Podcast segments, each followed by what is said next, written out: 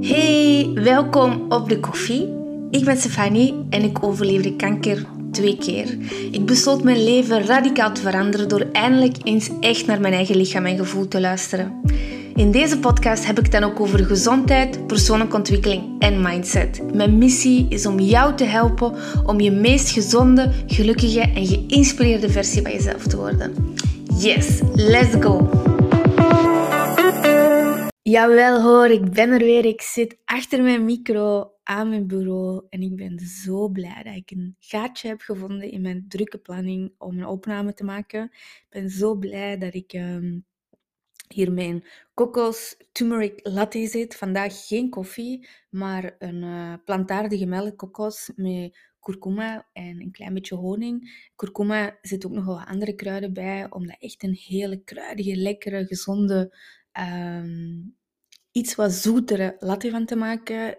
Latte is wel verleidelijk, want er zit geen koffie in, maar er zit wel heel veel kurkuma in. Het is lekker geel en kurkuma is ontstekingsremmend is deel van um, superfoods. Dus supergezond, supergoed voor je lichaam. En een supergoed alternatief als je niet altijd van koffie houdt. Ik hou natuurlijk van koffie, maar ik let heel hard op mijn gezondheid. En uh, ik wissel heel vaak af, want kurkuma is wel iets wat ik kan gebruiken in mijn lichaam. Om ervoor te zorgen dat mijn um, ontstekingen en, en de dingen die binnen in mijn lichaam gaande zijn, dat die onder controle blijven. Niet dat ik altijd ontstekingen heb, maar ons lichaam is eigenlijk constant verzuurd en is eigenlijk constant van binnen dingen aan het opruimen, um, aan detoxen. Je lever en nieren zijn altijd aan het werk, je darmen zijn altijd hun best aan het doen om zoveel mogelijk voedingswaarde uit uh, hetgene wat we eten en drinken te halen. Dus af en toe je lichaam eens een boost geven en ondersteunen, dat is echt een cadeautje. Ik ben er bijna een health podcast van aan het maken. Gaat ook nog wel eens komen.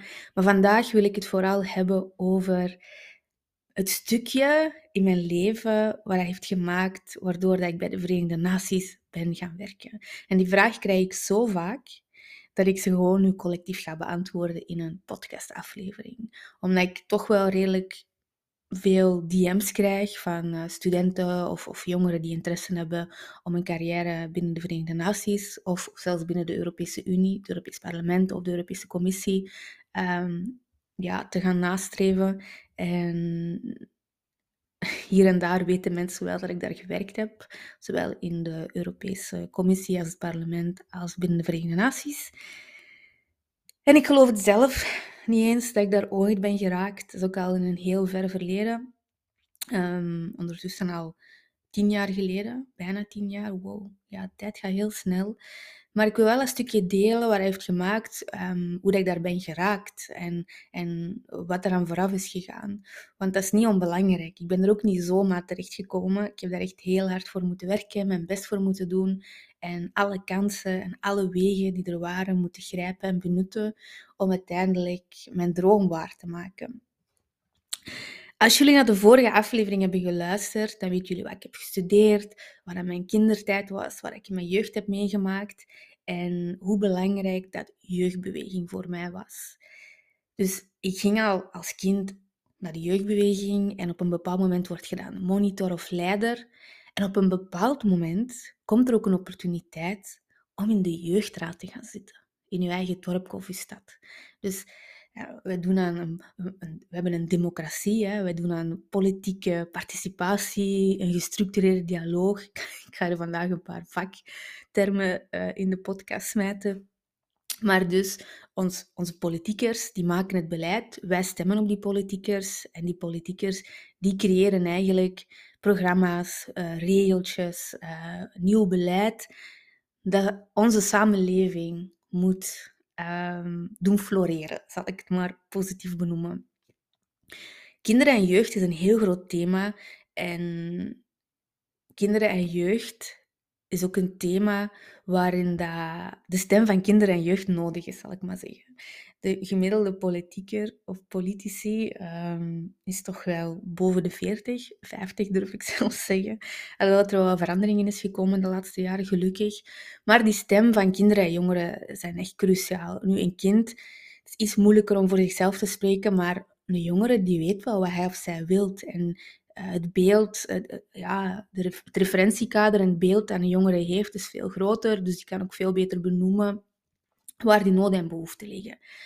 Dus vanuit een jongerenproject werd ik op een bepaald moment geprikkeld en geteased om binnen die lokale jeugdraad te gaan zetelen.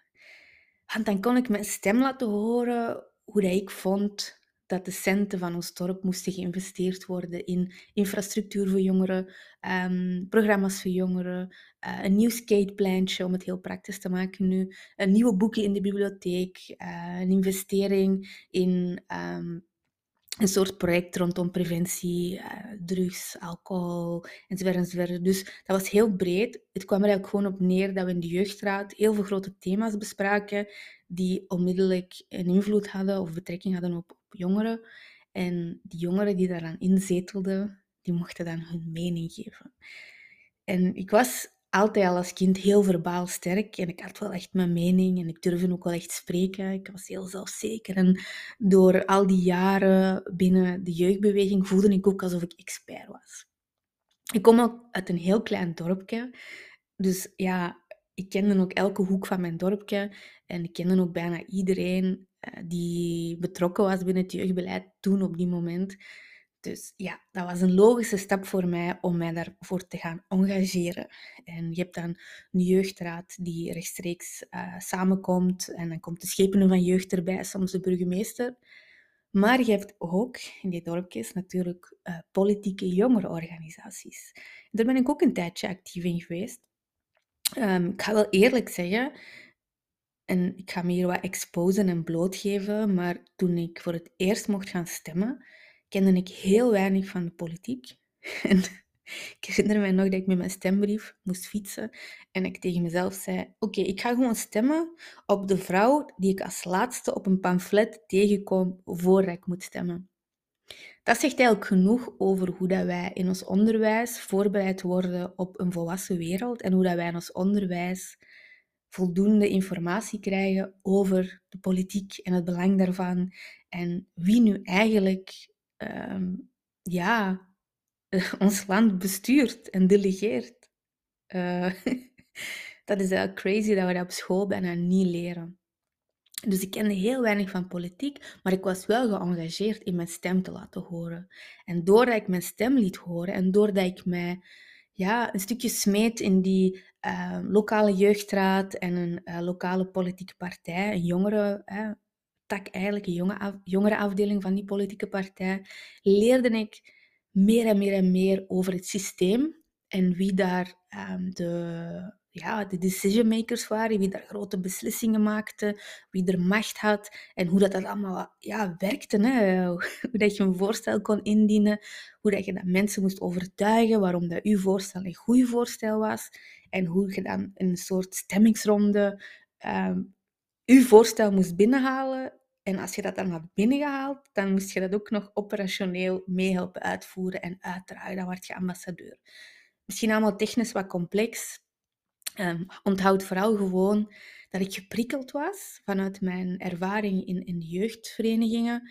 En dat ik opeens een stem kreeg en een, een stoel ook kreeg om te zeggen wat ik nu belangrijk vond. Misschien was dat een van de eerste momenten in mijn leven dat mensen mij belangrijk vonden. Dat, dat ik het gevoel had van wauw, ik beteken hier iets en ik kan hier iets. Dus ik ging als, als jongere, ik deel aan die uh, meetings. Maar dat was nog heel onschuldig. Um, dat was ook op een, op een, een heel ja, laag niveau is niet goed uitgedrukt, maar dat was heel informeel. Een stukje formeel wel, maar dat werd heel goed gefaciliteerd en dat was allemaal niet zo serieus. Maar het feit dat ik daaraan deelnam en dat ik het gevoel had dat ik een uh, goede burger was, die mijn steentje bijdraagde aan een betere samenleving en die dus ook met, een, uh, met de schepen en met de burgemeester in dialoog ging en die ook met een grotere politieke partij in dialoog kon gaan. En we konden dan samen strijden voor het goede, voor het betere en, en vooral mijn missie was toen om ervoor te zorgen dat jongeren alle kansen kregen. Dat blijft wat de rode draad in mijn leven trouwens, merk ik van mezelf. Dus ik heb een tijdje gedaan en op een bepaald moment um, ik was aan ingeschreven voor nieuwsbrieven, denk ik, en ik kreeg heel veel informatie. En op een bepaald moment, via, die, ja, via de community van jeugdbewegingen en jeugdraden, kwam er een uitnodiging van de Vlaams minister van Jeugd, die jongeren zocht die een mening hadden over Europa. Europa was toen nog niet zo lang opgericht. Allee, die Europese Unie was nog allemaal nieuw. En eh, er kwamen lid, ja, lidlanden, nee, leden er kwamen dus landen bij die lid wouden worden. En niet iedereen was het erover eens, want die landen zouden ons verzwakken. En ja, er was heel veel rond te doen. We, gingen toen ook, we zijn toen naar de euro gegaan. Dus ik spreek hier al over heel lang geleden. En de minister van Jeugd wou luisteren naar de mening van jongeren. En hij noemde dat Europinion. Ik vond dat super cool bedacht. En die nodigde ons uit drie dagen uh, op een Europinion uh, weekendje aan de zee. Om samen eens te brainstormen en te praten over wat willen jongeren nu echt en wat verwachten jongeren van Europa. En hoe kan de minister van Jeugd jongeren, de, de, de stem van jongeren van België mee naar de Europese dimensie brengen. En hoe kan die minister van Jeugd Europa meer naar de Belgische dimensie brengen. En ik dacht toen alleen maar, oh yes, dat is een gratis weekendje naar de zee. Ehm, natuurlijk was ik wel geëngageerd en ik vond het allemaal leuk, maar ik nam het allemaal nog niet zo serieus toen. Ik was ook nog jong, ik was ook aan het rebelleren, ik was puber en ik was wat op zoek naar mijn identiteit en wie dat ik was. Maar ik was opnieuw geprikkeld. En ik weet nog dat mijn grootste motivatie toen was dat ik gratis naar de zee kon. En ik heb een vriendin van mij overtuigd om mee te gaan, die totaal niks met jeugdbeleid had te maken of met jeugdverenigingen. Maar die had ook wel zin in een weekendje zee. En ik zei dan tegen haar van, kijk, overdag moeten we wel een beetje praten en, en participeren en actief zijn. Maar er zijn ook gratis uh, broodjes en hè, er is eten voorzien en, en alles is gecoverd. Maar dan in de avond kunnen we aan de zee op stap gaan. Kunnen we op café gaan, kunnen we leuke dingen doen, over een dijk wandelen. Dus dat is echt fantastisch besef ook dat ik toen in een hele moeilijke, kwetsbare financiële situatie zat. Daar heb ik ook over verteld in mijn vorige afleveringen. Ik had heel weinig thuis. Dus voor mij was zo'n weekendje ertussenuit echt wel uh, luxe, zal ik maar zeggen. Het voelde echt alsof ik op vakantie ging naar Dubai, bij wijze van spreken. Zo voelde dat toen echt voor mij. Dus we schrijven ons in, we schrijven een motivatiebrief en we worden geselecteerd. Dus wij mochten op vakantie naar de zee. En het enige wat we daarvoor moesten doen was even met de minister van Jeugd spreken en dan gewoon ons amuseren. Living the life als een jongere. En we gaan daar naartoe en dat waren ongeveer 30 jongeren, als ik me niet vergis. Um, ehm, Super gezellig eigenlijk. Uh, wij sliepen in een, in een jeugdhostel, ja. Uh, niet te veel luxe, maar dat hadden we ook niet nodig. En er was onmiddellijk een goede sfeer wel. Ik herinner mij dat nog. Ik voelde me zo van, wauw, oké, okay, kei toffe jongeren, we hebben kei veel raakvlakken. En ik heb die twee dagen, want het was twee volle dagen en één dag was aankomst en vertrek. Ik heb die twee dagen heel hard mijn best gedaan. En ik was heel um, aanwezig en ik was ook heel uh, invested. Hoe zeg je in het Nederlands? Ik was ook heel geïnvesteerd in dat thema. Dat, dat, ja, dat intrigeerde mij en ik dat heeft me altijd aangetrokken ergens. Dus ik deed mijn best en ik durfde mijn stem te verkondigen. Uh, jullie weten dat wel als je zo in een groep bent, dan durven mensen niet echt spreken. Uh, zo eerste spreekbeurt voor de klas, dat was altijd zo, mm, wie gaat er eerst? Ik heb er eigenlijk nooit geen problemen mee gehad. Um, ondanks dat ik wel onzeker ben over wie dat ik ben, is, is, is mijn stem of dat, dat ja, dat vuurke dat brandt in mij altijd sterker dan mijn eigen onzekerheid. Als het gaat over mijn meningen verkondigen en mijn visie delen, dan gebeurt dat altijd automatisch. En ik heb mezelf daar laten zien. En na die twee dagen, dat zal ik nooit vergeten, kwamen de begeleiders of de facilitators, um, die werkten op Vlaams niveau voor de Vlaamse Jeugdraad en ook in het belang, samen met de minister van jeugd, ehm, die kwamen naar mij en die zeiden, kijk, we hebben uh, u geobserveerd en we zijn echt wel ja, positief verrast en, en, en geschrokken door uh, uw kennis en, en door alles wat je weet en uw goede ideeën. En je zou echt een meerwaarde zijn voor ons binnen de Vlaamse Jeugdraad. Dus zou je daar interesse in hebben om je kandidaat te stellen om jongerenvertegenwoordiger te zijn binnen de Vlaamse Jeugdraad. Wauw. Dat was zo'n groot compliment, maar tegelijkertijd wist ik niet wat ik daarmee moest doen. Want ik was gewoon een heel simpel boerenmeisje vanuit Balen, vanuit de Kempen, uit een heel klein dorpje. Dat, ja, niet echt gewend was om naar de stad te gaan. En hoe het ook keert en draait, zelfs de dag van vandaag, is het stad een, een wereld van verschil ten opzichte van een dorp. Dus als je een dorpsmentaliteit hebt, dan ben je anders dan iemand die in een stad is geboren en getogen en die de rijlen en zeilen van zo'n stad goed kent. Dus dat was uit mijn comfortzone. Maar ik was opnieuw getriggerd. Ik was...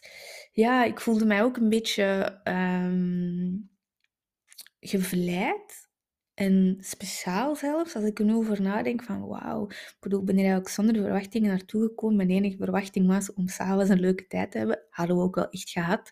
Trouwens, mijn vriendin die bij mij was, uh, haar interesseerde allemaal niks. Zij heeft genoten van uh, het gratis eten en de avondjes. Maar overdag heeft zij mij gewoon laten doen. Heeft zij wel wat geobserveerd en wat deelgenomen. Maar niet zo ambitieus en gepassioneerd als mij. Wat ook helemaal perfect was. We waren echt in balans. Maar dus, ja, dat weekendje was gedaan en um, we hebben dan gegevens uitgewisseld. En ik werd uitgenodigd op de Vlaamse Jeugdraad om eens te komen kijken. En dat was in het hartje van Brussel. En dat was niet bij de deur. Ik moest daar bijna 2,5 uur voor reizen. En ook 2,5 uur terug met de trein. Want ik kwam dan uit Balen, ik moest dan eerst naar Mol, ik moest dan wachten op een andere trein, ik moest overstappen in, in Mol, dan moest ik in Antwerpen opnieuw overstappen om dan een trein naar Brussel te nemen. Dus dat was een hele lange rit voor mij. Dat weet ik nog, dat was echt een hele lange rit voor mij. Dat was echt een opgave. Opnieuw, dat was een investering. Ik ben dan naar Brussel gegaan, ik was denk ik nog nooit in Brussel geweest, of, of toch niet alleen, op mijn eentje. Ik kwam in Brussel Centraal aan, ik moest dan die plek zoeken waar dat was. En ja, ik was vanaf dat geen echt gefascineerd en on top of the world bijna. En, en dat zijn zo'n simpele dingen, maar ja, dat was voor mij zo verrijkend. Um, dat gaf me zoveel energie en inspiratie. Dus ik ga er niet te lang over blijven doorpraten, maar ik ben dan uh, bij de Vlaamse Jeugdraad, ik, ik, heb me aangesloten, ik heb me kandidaat gesteld. Ik moest, ook, um, moest daar ook verkozen worden, dat was ook heel democratisch. Ik heb meegedaan aan de verkiezingen. Um, en dat heb ik toch wel heel lang gedaan. Want als ik daar nadien over terug nadenk, dan heb ik daar heel veel tijd in gestoken. En gelukkig werd die treinrit wel terugbetaald. Uh, want anders had ik dat niet kunnen doen. Ik had toen financieel niet dat geld om altijd zo ver te reizen. De trein is ook helemaal niet goedkoop trouwens. Maar ik ging dus één keer per maand hadden wij vergadering. We moesten dan ook heel veel dingen voorbereiden en lezen. En we moesten ook deelnemen aan heel veel trainingen, events, workshops, congressen. Ik vond dat zo interessant. Want opeens werden wij Vlaamse jongerenvertegenwoordiger en wij waren verantwoordelijk om de belangen van jongeren te behartigen. En wij spraken over grote beleidsnota's vanuit ministers en vanuit het kabinet en vanuit de afdeling jeugd. Dus it was the real thing. Dat was niet meer zo op lokaal niveau. Uh, ons kent ons gewoon wat informeel een vergadering hebben met nadien pizza's of chips. Nee, dat was echt heel professioneel. Heel goed omkaderd. Um, dat waren misschien wel ook een van mijn beste jaren van mijn leven. Omdat ik zoveel leerde. Zoveel. Elke keer opnieuw. Ik leerde zoveel mensen kennen. Ik leerde zoveel over politiek en over beleid. Over hoe, ja, hoe dat alles werkte. Ik begreep eindelijk hoe dat ons belastingssysteem werkte. Want ik denk dat in alle eerlijkheid, dat 60, 70 procent onwetend is hoe dat ons belastingssysteem werkt.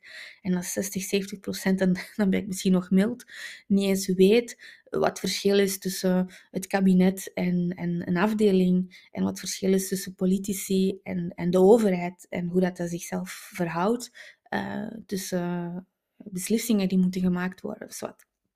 Dat is een heel politiek stuk. Dat is voor sommige mensen heel saai, maar ik vond dat heel intrigerend. Omdat ik ontdekte hoe dat ik de wereld kon veranderen. Ik ontdekte toen als jongere dat ik veel meer macht had dan dat ik dacht te hebben. Alleszins zo voelde ik me toen. Hè. Ik was echt on top of the world, zoals ik zei. Dus uh, ik voelde mij heel verantwoord.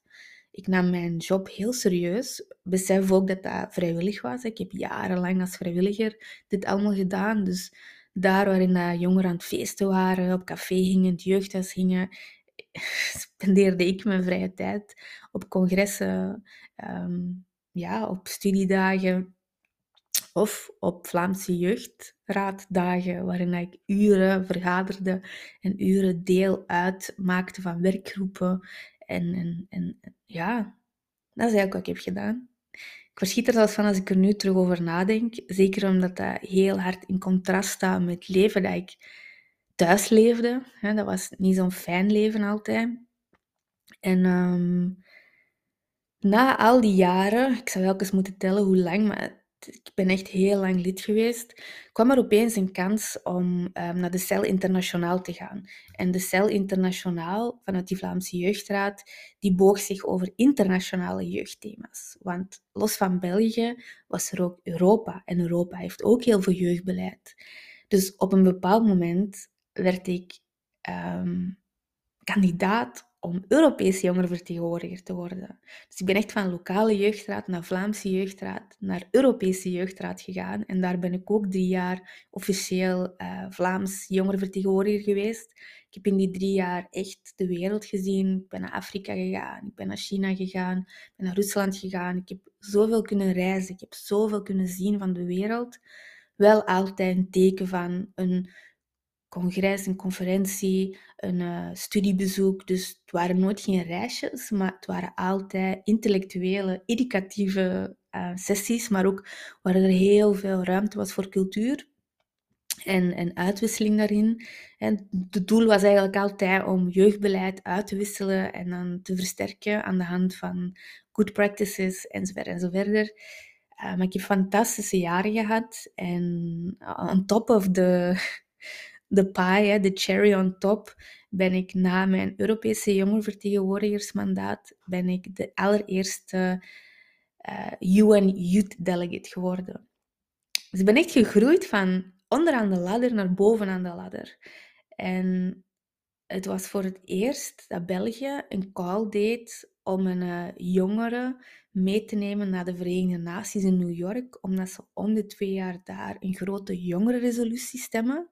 Dus alle leden van de, um, ik wou zeggen Europese Unie, maar dat klopt niet. Alle leden van de Verenigde Naties, de United Nations, stemmen om de twee jaar een jongerenresolutie die een stukje een kader ja, vormen of, of een soort framework zijn van de doelstellingen en de acties die de landen gaan ondernemen om de rechten um, van jongeren te garanderen en om de kwaliteit van het leven van jongeren te optimaliseren.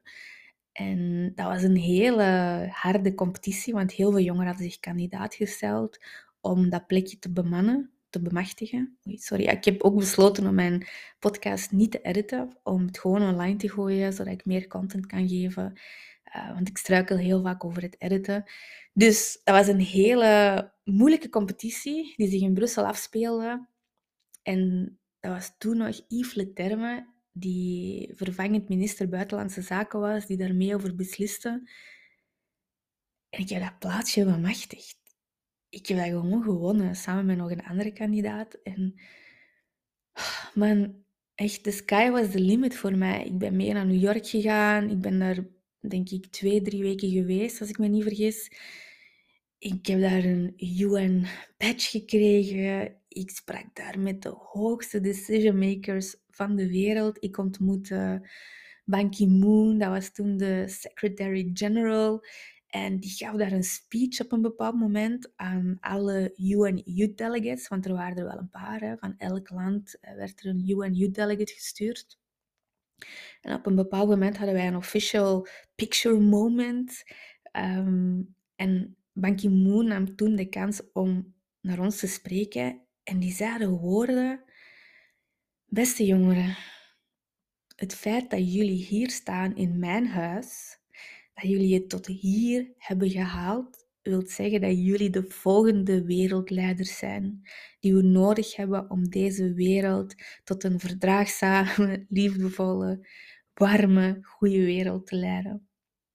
En ik weet nog dat ik kippenvel had. Ik dacht, wow, ben ik aan het dromen? Sta ik hier echt of wat? Is hier echt een van de hoogste mensen van de wereld aan het zeggen dat ik deel ben van de volgende wereldleiders? En ik lieg niet, hè. Bedoel, ik lieg niet. Ik moet zelfs eens drinken, want als ik het zo zeg, dan geloof ik het zelfs niet. Mm. En het geeft me eigenlijk terug extra motivatie, want dan denk ik van, wow, I did that. Ik heb het gewoon gedaan. Um, maar ik kan niet beschrijven wat hij met mij heeft gedaan. Dat hij mij toesprak en dat hij zei: Jullie zijn de volgende wereldleiders. We hebben jullie nodig. Jullie zijn onze toekomst. En jullie zijn de chosen ones. Jullie zijn geselecteerd. En dat was ook zo, want ik kwam echt van ver. Nu, ik was ondertussen ook gegroeid. Hè. Ik was toen 21 toen ik aan de VN stond in New York.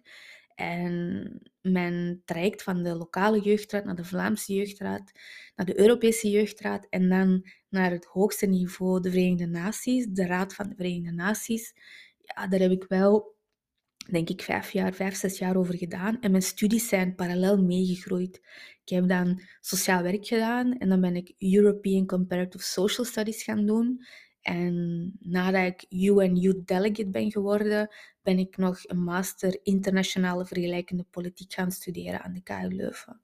Omdat ik het academische um, nog niet mee had om echt diplomaat te worden, zal ik maar zeggen. Ik was een UN Youth Delegate, dus een jongerenvertegenwoordiger. Opnieuw, dat waren vrijwillige mandaten.